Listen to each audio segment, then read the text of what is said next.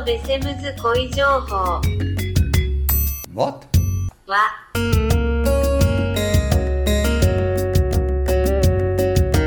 Ruud Bezems kooiinformatie.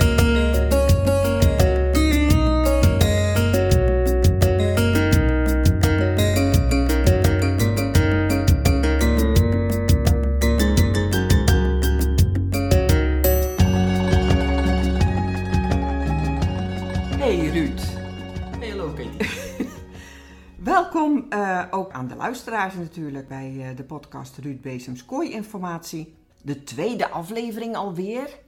Ja, leuk hè? We hebben eh, best heel positieve reacties gekregen op deel 1. Dus Ja. dat eh ja, sterkte ons dan, zoals dat heet, om door te gaan met deel 2, 3 en ja, wie weet hoeveel. Ja, nou hartstikke leuk, want je had de vorige keer verteld, er zijn nog geen andere podcasts gemaakt over kooi. En eh, nou, dat is natuurlijk toch wel heel leuk dat wij dan even nu voorop lopen. Ja, dat was leuk. Ik, Ja. had wel, ik was een klein beetje teruggefloten, dus we moeten het iets nuanceren. Toen wij deel 1 opgenomen hadden, Ja, toen waren wij de eerste Nederlandstalige podcast. Want in Engeland, of in het Engels, eh, bleek er al wel iets te zijn. Oh, oké. Maar dat was hier nog niet zo heel erg bekend. En ik kreeg, eh, ik geloof een dag nadat wij de eerste uitzending gedaan hebben, Ja. kreeg ik een appje eh, van Sander. Van, hey Ruud, je was me net voor. Want ik ben er ook mee bezig, maar mijn eerste podcast komt volgende week. Dus ik zei, ja, Oh, te laat. Ja.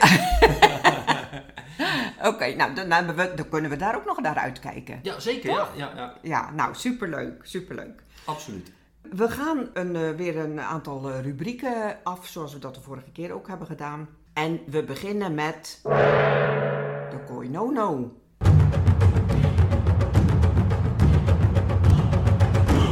Koi no-no.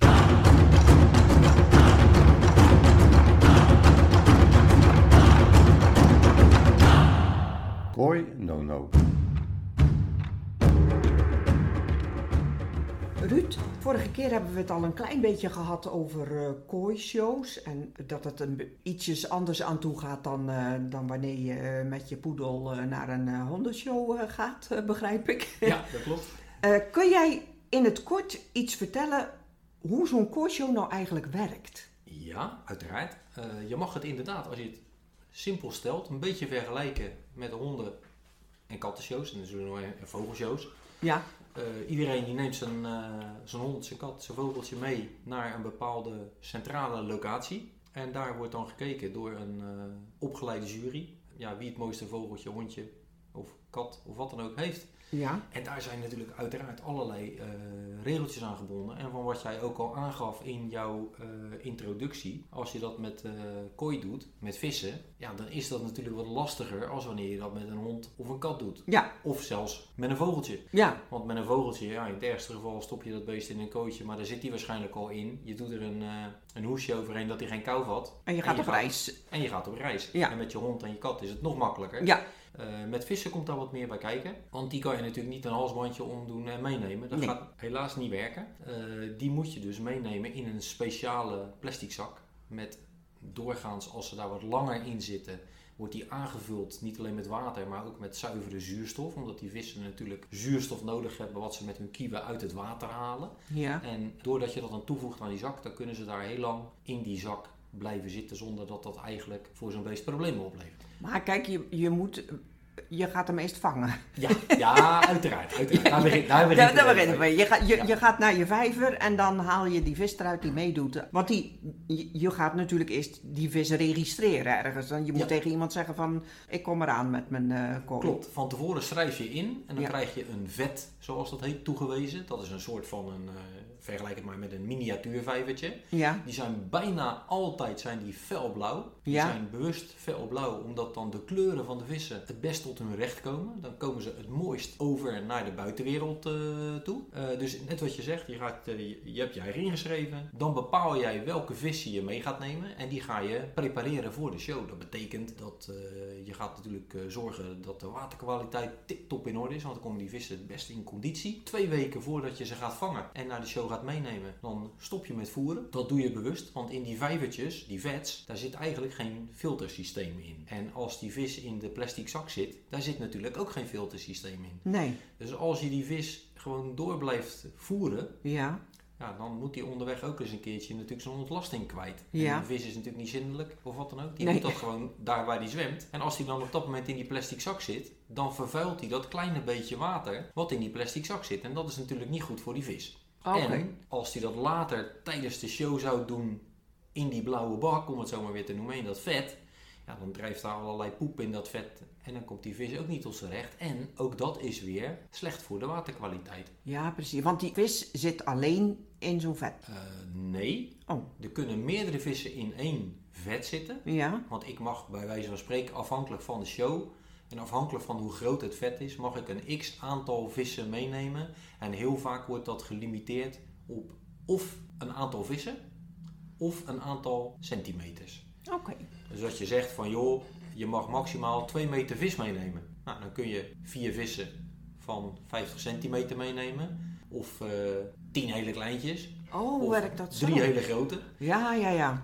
En dat wordt dan, eh, die maximale maat van die vissen wordt bepaald door de hoeveelheid water die in dat vet zit. Om ervoor te zorgen dat die vissen niet de boel te veel verontreinigen. Waardoor het mogelijk ongezond voor die vissen zou kunnen zijn om op die show in de ronde te zwemmen. Want de meeste shows die duren twee dagen. Oh ja. Bijvoorbeeld zaterdag en zondag. Hè, lekker makkelijk, want dan komen er ook een hoop mensen kijken natuurlijk. Ja, En dat betekent dat je heel vaak die vis op vrijdag gewoon moet brengen. Dus dan zwemmen ze drie dagen in dat vet. ja, precies. Dan is daar 9 van de 10 keer geen filtratie op, maar het water in zo'n vet wordt continu ververst. Dus aan de ene kant komt er een straaltje water in en aan de andere kant gaat er een straaltje water uit. En daarmee hou je de waterkwaliteit tip-top in orde. Ja. En dat kunnen ze natuurlijk regelen. Heb jij maar vijf kleine visjes, dan hoeft er maar een klein beetje water ververst te worden. Heb jij drie of vier wat grotere vissen, dan moet dat wat meer zijn. En op die manier wordt dat gereguleerd. En Oké. eh, er lopen een heleboel vrijwilligers in de ronde. Ja. Al die shows worden georganiseerd door verenigingen. En die vrijwilligers die lopen daar in de ronde.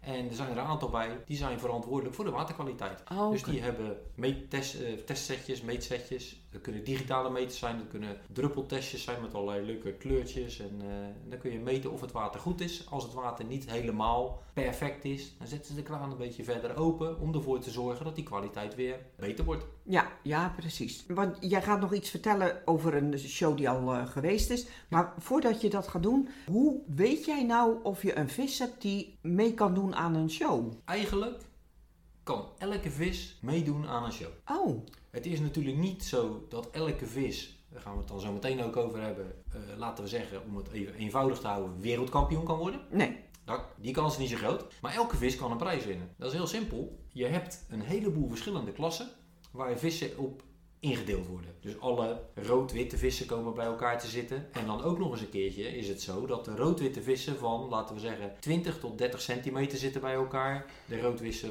vissen, zo, de rood-witte vissen van 30 tot 40 zitten bij elkaar. Enzovoort, enzovoort. Dus je hebt in je eigen klasse eigenlijk alleen de concurrentie van de vissen die op jouw vis lijken, om het even zo te stellen. Ik snap het. En dat betekent dus dat je met een vis die op de wereldkampioenschappen kansloos zou zijn, op zo'n lokale kooishow gewoon de hoofdprijs kan winnen. Want als jij, ik noem maar wat, een bruin met grijze vis meeneemt en er is er maar één, of er zijn er maar twee, ja, dan heb je 50% kans dat je wint.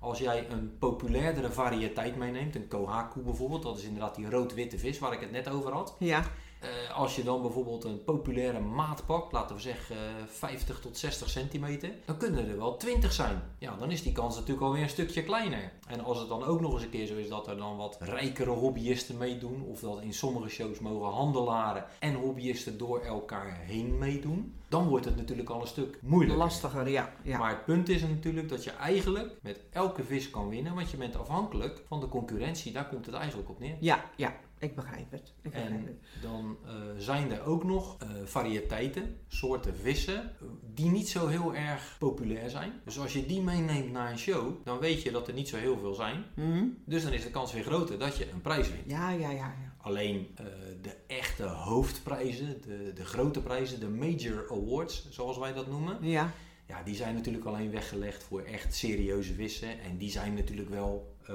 wat, wat kostbaarder. ja natuurlijk. Ja, dat is begrijpelijk. Ja, begrijpelijk. Maar je, je wilde ook nog iets vertellen over een show die in januari geweest is. Ja, klopt. Ja. In eh, januari, eigenlijk om precies te zijn, van 27 tot 29 januari, eh, was de All Japan Combined Koi Show. Ja, En dat is dan eh, de All Japan. Dat betekent dat alle vissen uit Japan, zal maar zeggen, mee mogen doen. Maar in theorie zou je ook volgens mij zelfs vissen kunnen importeren en daarin zetten. Alleen dat is niet gebruikelijk eh, dat dat gebeurt. En daar, ja, dat is echt de crème de la crème van de kooiwereld. De, het is vooral een kwekersshow. Dus de kwekers die zetten daar hun allerbeste vissen in. Vaak zijn ze wel al verkocht, niet altijd. Maar als je daar de hoofdprijs wint, dat kun je vergelijken met eh, het winnen van de Champions League met voetballen. de Oscar. Ja, de Oscars in de filmwereld. Ja, in de- absoluut. Ja, ja. Dat soort dingen. En die show is, eh, het is een combined show. Dat betekent dat die dan georganiseerd wordt door de kwekersorganisatie. De Shinkokai heet dat, met een mooi Japans woord. En daarnaast zit dan de hobbyistenvereniging. Dat heet de ZNA, de Zen Nippon Airinkai. En die vertegenwoordigt de hobbyisten.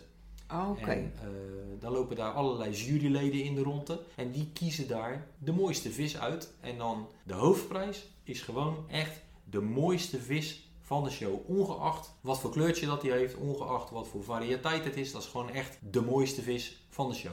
En in dit geval was dat een sanke, zoals dat heet. Dat is een Ja. witte vis Ja. eh, met een eh, rood en zwart patroon. En wat het wel heel bijzonder maakte in dit geval, eh, dat die vis, die was pas zes jaar oud. Dat is eigenlijk helemaal niet oud voor een vis, maar hij was wel al een meter lang. Oh, zo. Dus dat is echt een serieuze jongen. Ja. En in het verleden groeiden ze wat langzamer, die vissen. Eh, en dan moest zo'n vis minimaal wel een jaar of 8, 9 zijn voordat die 80, 85 centimeter was. En je kan je voorstellen, het is bij vissen net als mensen.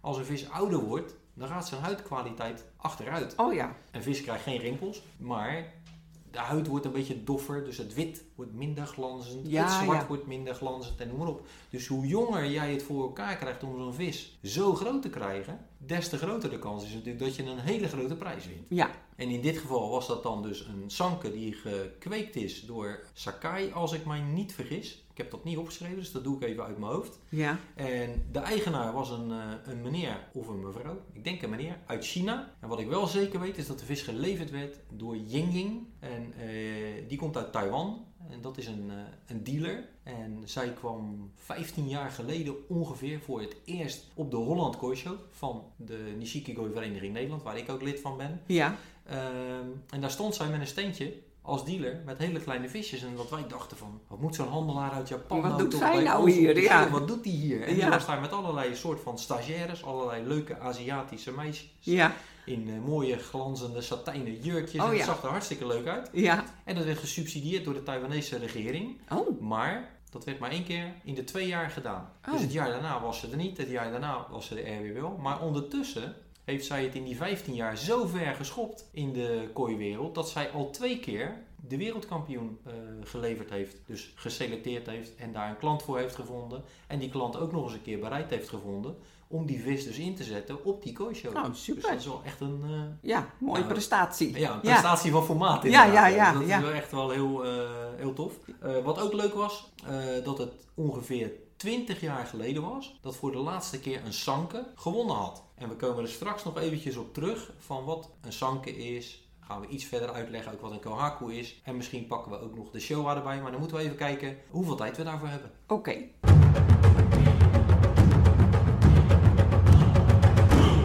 Agenda,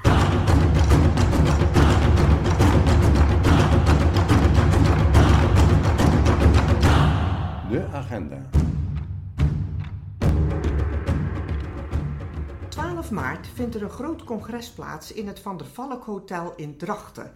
De congres wordt georganiseerd door de Kooi Cave, de jongste kooivereniging van Nederland. Het heet Topseminar Water en het gaat over waterbelasting en kooikwaliteit. Een interactief panel beantwoordt alle vragen over de invloed van voeding op de waterkwaliteit, bacteriecultuur in de vijver en de gezondheid van de kooi. De vragen worden beantwoord door onder andere de specialisten Jeroen van Stokkem, René Kruter van Kiyomizu, Theo de Vlieg en Bas van Toren van Cave en Sascha Schulze van Mountain Tree. Je komt ook veel te weten over kooikwaliteit, de selectie van de hoogste kwaliteit kooi in Japan. Dit deel wordt gepresenteerd door Kooicentrum Snake. Tevens wordt een zeer hoge kwaliteit kooi ter veiling aangeboden. De toegang is gratis, ook als je nog geen Koi Cave lid bent. Het seminar is inclusief gratis koffie, gebak en een complete lunch. Inschrijven kan via www.kooicave.nl. 恋の知識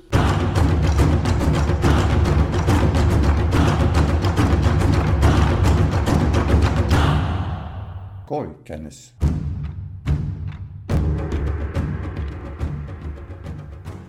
We gaan het nu een klein beetje moeilijker maken. We gaan het nu hebben over diverse variëteiten. Wat ik in het begin van deze podcast verteld heb over de kooishows. Koois zijn ingedeeld in variëteiten. Dus er zijn meerdere soorten. We gaan er nu, ik denk, we streven naar drie, maar dat zullen er waarschijnlijk minder worden, uitlichten. Eh, wat ik vertelde, op de wereldkampioenschappen heeft een sanke, een driekleurige vis, eh, de hoofdprijs gewonnen. En een sanke is denk ik een van de drie meest gewilde variëteiten in de kooiwereld. Maar ik denk dat het ook misschien wel de moeilijkste variëteit is in de kooiwereld. Want als je zo'n wedstrijd wil winnen, dan betekent dat dat alle kleuren op zo'n vis op dat moment allemaal tegelijkertijd helemaal tip-top in orde moeten zijn. En in dit geval bij een sanke, een wit eh, met rood en zwarte vis, dan zouden dus alle drie de kleuren perfect in orde en afgeleid moeten zijn. En dat is heel moeilijk. De officiële benaming van deze variëteit is eigenlijk Taisho Sanshoku. Dat is dan weer Japans eh, voor het tijdperk waarin die eh, ontstaan is. Dat was in eh, ongeveer 1900.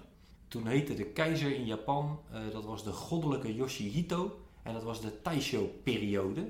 Ook wel genoemd de periode van de rechtschapenheid of rechtvaardigheid. En al die hele belangrijke variëteiten die worden vernoemd naar een keizer of een keizerlijke periode.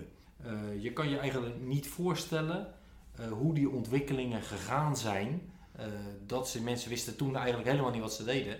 En met een beetje geluk ontstond er zo'n vis. En van wat ik begrepen heb, is dat er rond 1914 ontsta- ontstond er in een kweek ineens zo'n witte met rood en zwarte vis. En die werd in die tijd ingezet op een kooishow. En er werd gezegd dat die vis toen al 15 jaar oud was. Dus dat betekent dat de eerste wat betere sanke dus ontstaan zou moeten zijn eh, omstreeks 1900. Eh, een ideale sanke, hoe ziet die er nou eigenlijk uit?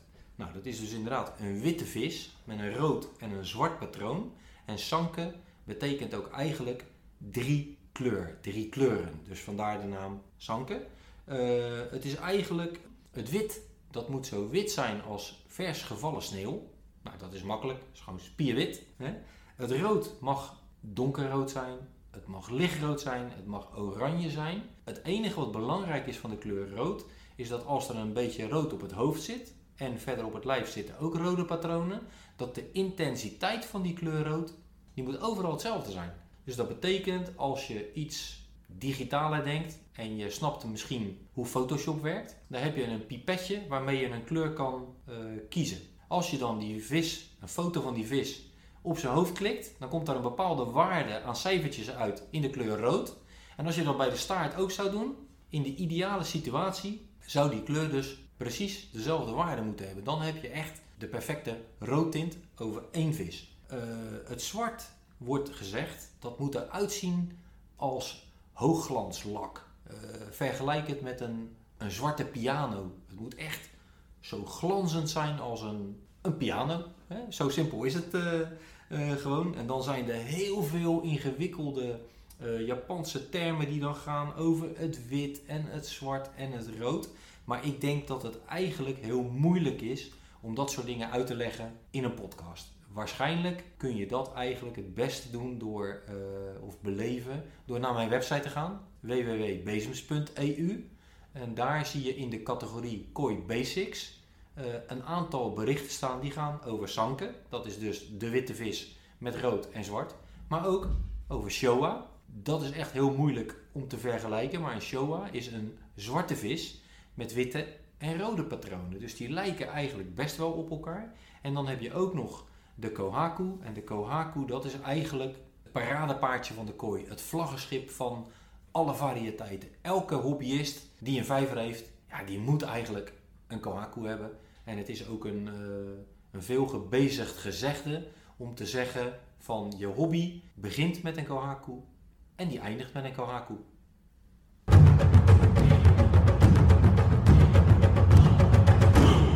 ルディ、質問がある。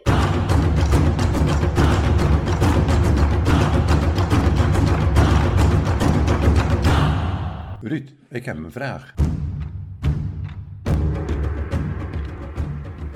De luisteraar zal inmiddels gemerkt hebben dat we eh nieuw intro hebben. Dat was de vorige keer niet. En dat komt omdat we eigenlijk dit item iets hebben gewijzigd. We hebben geen kooi kwestie van de week.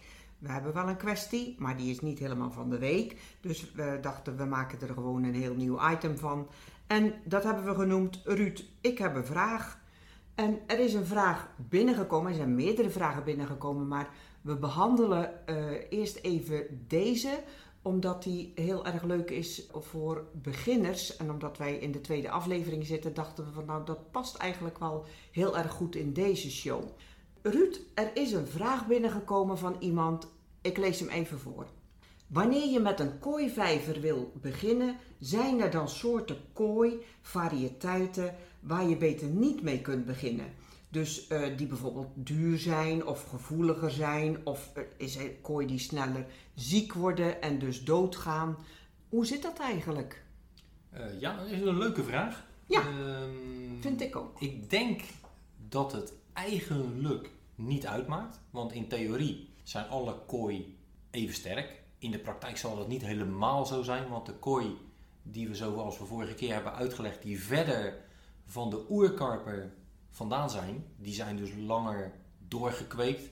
En die zullen ongemerkt of ongetwijfeld wat zwakker zijn. Ja, Ik zou altijd beginnen, en dat klinkt misschien heel hard, ja, Misschien zelfs gemeen, want dat zijn natuurlijk wel levende beesten. ja, Maar ik zou altijd beginnen met goedkope vissen. oké. Want in het begin moet je filtersysteem opstarten. Daar gaan we het ook nog wel een keer over hebben. Om ervoor te zorgen dat je waterkwaliteit goed blijft. Heel vaak heb je de neiging, want je hebt natuurlijk een hele grote vijver gemaakt. En Ja, dan wil je daar een heleboel vissen in doen. ja, Maar je filter doet nog niks. En dat heeft tijd nodig. En dan gaat de waterkwaliteit achteruit. En heel vaak krijg je dan inderdaad zieke vissen. En soms gaan ze zelfs dood. Dan ja, kun je je natuurlijk voorstellen, als je heel enthousiast bent begonnen met een Kohaku of een Sanke of een Showa, een van die grote drie waar we het over gehad hebben, ja, dat die natuurlijk wat duurder zijn. Zeker als je wat betere koopt. Als die dan na drie maanden het loodje leggen, ja, dat is natuurlijk zonde.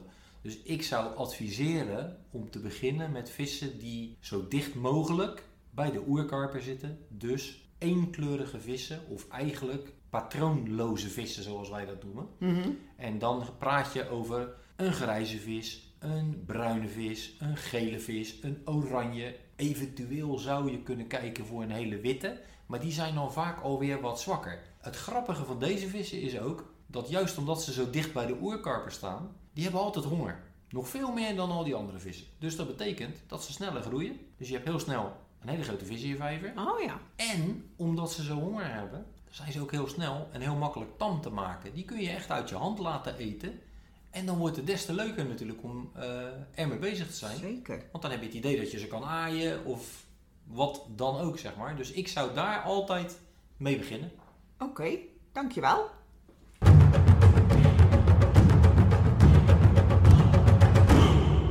Volgende.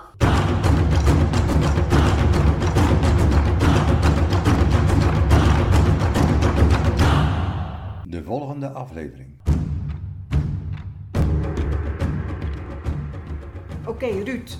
De volgende aflevering.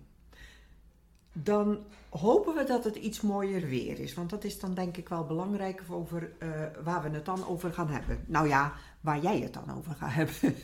ja, dat klopt. Eh, we gaan natuurlijk al een beetje richting eh, maart. Want ja, we doen, proberen elke vier weken of zo een aflevering te doen. ja, Dus over vier weken, dan, tegen de tijd dat het al uitgezonden wordt, zitten we in maart. En dan gaan alle vijvers weer een beetje opstarten, zoals dat heet. Dat betekent dat eh, de vissen weer actiever worden, want de temperaturen van het water gaan omhoog. Dus de temperatuur van de vis ook, hè? Zoals Ja. ik uitgelegd had, ja, hè, met de eh koudbloedige dieren. Eh, dat betekent ook dat de filteractiviteit omhoog moet. In een filter zitten bacteriën. En als het water warmer wordt en de vissen actiever worden, gaan ze meer afvalstoffen afscheiden. Ja. En dan moeten al die processen die moeten weer op gang gaan komen. En dat wil ik dan volgende keer een klein beetje uitleggen. Wel op eenvoudige wijze. Maar waar, Heel je graag. op, ja, waar je op moet letten dat je in je enthousiasme niet probeert om te snel op te starten.